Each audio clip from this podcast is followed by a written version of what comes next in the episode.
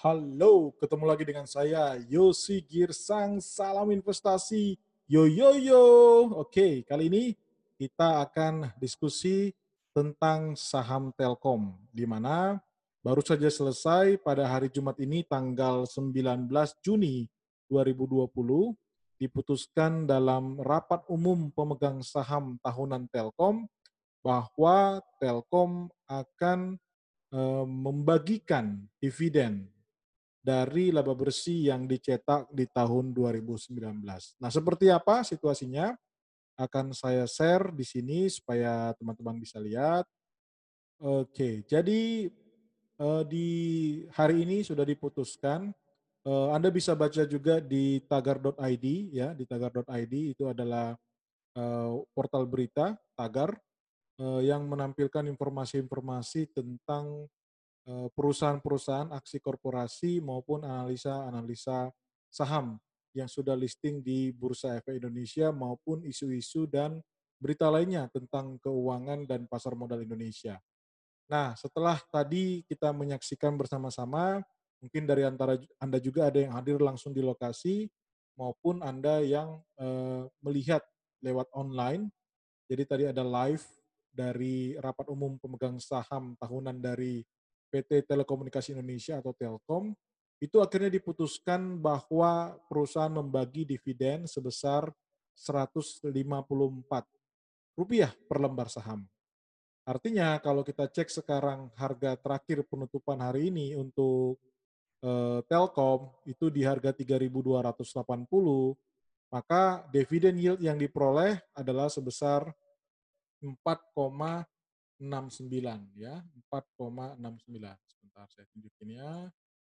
Nah, ini dia 4,69 ya. Tolong diingat ada jangan lupa bayar pajak. Jadi ada PPh final sebesar 10% kalau Anda memiliki NPWP sehingga angka ini akan dikurangi 0,46 eh, persen. Jadi bersih ya, diperoleh kalau Anda membeli sahamnya di hari ini di harga 3.280 itu Anda memperoleh bersih dividen yield sebesar 4, kurang lebih 4,1 lah, 4,1 persen. Lumayan, lumayan. Karena apa?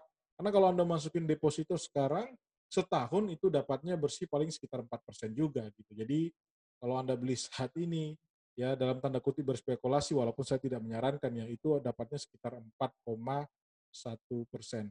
Nah, bagaimana angka itu bisa keluar? Jadi seperti kita ketahui, Eh, sepanjang tahun 2019 kemarin ada laba bersih yang diraup oleh Telkom itu sebesar 18,66 triliun. Nah, yang dibagikan eh, sebesar 81,78 persennya ya berupa dividen tunai itu sebesar 15,26 triliun. Jadi tinggal kita bagikan dengan jumlah saham yang ada e, beredar, maka dapatnya angkanya di Rp 154 per lembar sahamnya. Nah, ini Anda bisa baca di tagar.id. Ya, memang kalau kita bandingkan angka ini dengan angka tahun lalu, tahun lalu itu rasio pembagian eh, dividen dibandingkan laba bersih itu cukup besar, 90%, sehingga dividen tunai per lembar saham itu sekitar 163 rupiah per lembar saham. Jadi ini ada penurunan sebenarnya karena porsi atau dividen payout rasionya turun menjadi 81,78 eh, persen ya. Jadi ada penurunan tapi tetap masih uh, cukup menjanjikan cukup menjanjikan 4,1 persen bersih ya net ya. Itu menurut kita sudah lumayan lumayan ya.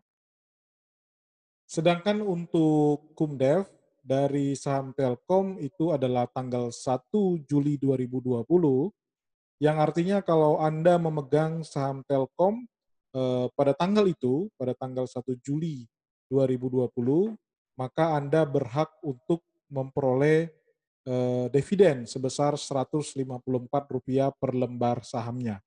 Nah, kapan dilakukan pembayaran? Paling lambat tanggal 23 Juli 2020 akan dibagikan pembayaran dividen tunai ke masing-masing rekening transaksi atau rekening RDI dari eh, saham Anda ya. Jadi itu tolong diingat supaya Anda jangan sampai menjual sahamnya eh, di waktu atau pada tanggal 1 Juli atau sebelum tanggal 1 Juli karena yang direcord yang berhak adalah uh, para pemegang saham dari Telkom pada tanggal 1 Juli 2020 gitu. Nah, yang menarik lainnya adalah eh, CEO dari Bukalapak yaitu Fajrin Rashid ya masih sangat muda, usia kurang lebih 34 tahun katanya tahun ini. Wow. Jadi Fajrin Rashid ini uh, uh, selain sebagai CEO Bukalapak diangkat menjadi Direktur Digital Bisnis PT Telkom ya. Nah, beliau ini kebetulan lulusan dari Institut Teknologi Bandung, eh, namun beliau lanjut kuliah di eh, sempat bekerja di Boston Consulting Group BCG, ya, kemudian lanjut kuliah sebagai eh, di Harvard Business School sama Stanford University Graduate School of Business. Nah, Nah, akhirnya setelah itu dia memantapkan diri untuk bergabung bersama uh, Jaki yang di Bukalapak dan resign dari BCG. Nah, semenjak tahun 2019 ya kalau nggak salah. Semenjak tahun 2019 eh, Fajrin ini menjabat sebagai CEO Bukalapak menggantikan Zaki. Jadi menurut kami ini adalah satu eh, apa ya eh, nuansa baru dalam PT Telkom yang mana memang kita berharap bahwa nantinya ke depannya dengan pengalaman yang dibawa oleh Fajrin ini bisa membawa sektor ataupun lini bisnis digital dari Telkom semakin lebih maju. Ya, saya pribadi atau kami pribadi di sini melihat sebenarnya harapannya ya tadi pas RUPS juga ada yang menanyakan tentang eh, apakah ada rencana untuk uh, Telkomsel, bahwa Telkomsel itu adalah memberikan 70% dari pendapatan Telkom untuk listing di bursa efek, mungkin itu akan lebih menarik sih sebenarnya gitu ya. Karena kalau boleh jujur ya Telkom itu uh, memang dia induk usaha tapi sebenarnya yang menghasilkan duit itu ya Telkomsel. Uh, kita sangat berharap sebagai pemegang saham harusnya Telkomsel yang malah masuk ke dalam Eh, Bursa Efek Indonesia. Tentu itu eh, lebih menarik ya. Mungkin agak mirip seperti saham Indofood dengan ICBP. Secara kinerja lebih bagus ICBP dibandingkan Indofood karena itu tadi kalau ketika Indo usaha itu memiliki anak usaha, seingat saya Telkom ini tadi dijelaskan di RUPS itu sebanyak ada 20 anak usaha, tidak semuanya menguntungkan gitu ya. Tapi kan buat kita pemegang saham tentu kita berharap bisa berinvestasi di perusahaan yang sebenarnya kinerjanya lebih baik, which is dalam hal ini adalah Telkomsel. Tadi balik lagi, tadi Pak Ririk menjelaskan dari pertanyaan, ternyata beliau bilang belum ada pembicaraan ke arah sana ya. Kita masih berharap semoga nanti ke depannya hal ini bisa dilihat sebagai satu kesempatan yang bagus. Itu dia. Nah, sekarang kalau kita diskusi sedikit, sebenarnya sudah ada tulisan yang kita sajikan, analisa di Tagar, eh, di website tagar.id, apakah saham Telkom ini benar-benar kebal dari COVID-19 gitu ya. Karena seperti penjelasan atau banyak studi yang mengatakan bahwa eh, salah satu sektor yang justru diuntungkan dengan adanya pandemi COVID-19 ini adalah sektor dari eh, dunia telekomunikasi. Jadi dunia telekomunikasi itu cukup diuntungkan karena banyaknya eh, proses belajar atau proses work from home yang terjadi di rumah yang menyebabkan adanya kenaikan uh, dari uh, permintaan untuk uh, data internet. Jadi seperti kita ketahui bahwa sumber penghasilan dari PT Telkom telekomunikasi itu paling besarnya 68% itu dari internet data. Ya, perlu saya garis bawahi bahwa Telkomsel itu adalah anak perusahaan dari PT Telekomunikasi Indonesia atau Telkom dan seperti yang pernah kami tuliskan sebelumnya bahwa eh, Telkomsel justru memberikan atau menyumbangkan pendapatan yang paling besar terhadap eh, Telkom ya, terhadap Telkom.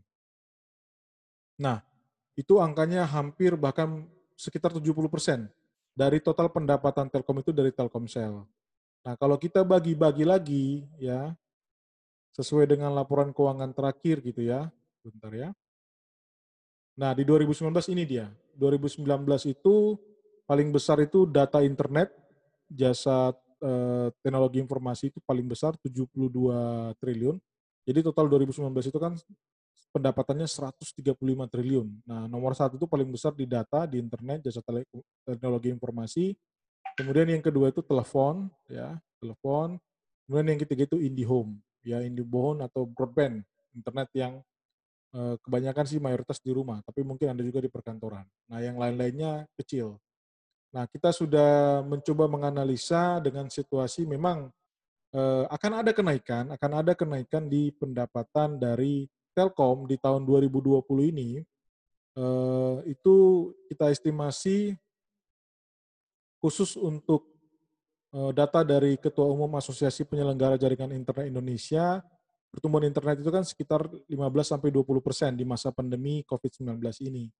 Nah, dengan kita mengambil, eee, estimasi dari kenaikan masing-masing dari sumber pendapatan ini, kita dapat angka seperti ini, yaitu untuk, eee, di sini data internet dan jasa teknologi informasi itu akan naik kurang lebih 15% kita ambil angkanya ya, dari range 15 sampai 20, oke kita ambil 15% dulu yang konservatif ya, sehingga menjadi 83 triliun.